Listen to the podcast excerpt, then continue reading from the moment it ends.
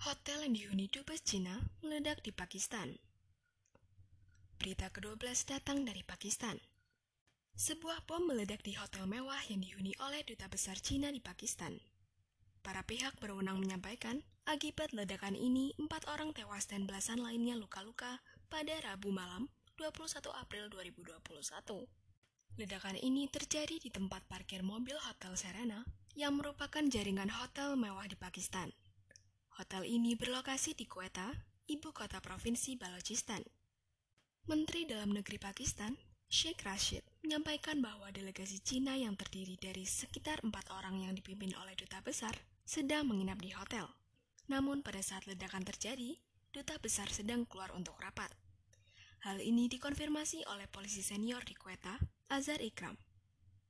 Hingga saat berita ini diunggah, masih belum ada kelompok yang mengklaim serangan ini. Pada 2019, kelompok bersenjata menyerbu sebuah hotel mewah dan menewaskan 8 orang. Kemudian pada Juni 2020, pemberontak Balok menyerang bursa efek Pakistan yang sebagian besar dimiliki oleh perusahaan Cina. Semua serangan tersebut telah diklaim oleh Tentara Pembebasan Balochistan.